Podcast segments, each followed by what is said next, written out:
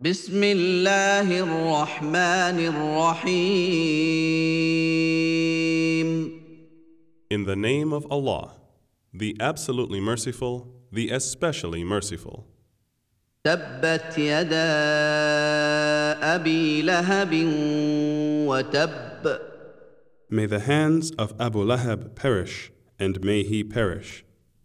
ما اغنى عنه ماله وما كسب His wealth and his children will not benefit him. سيصلى نارا ذات لهب He will be burnt in a fire of blazing flames.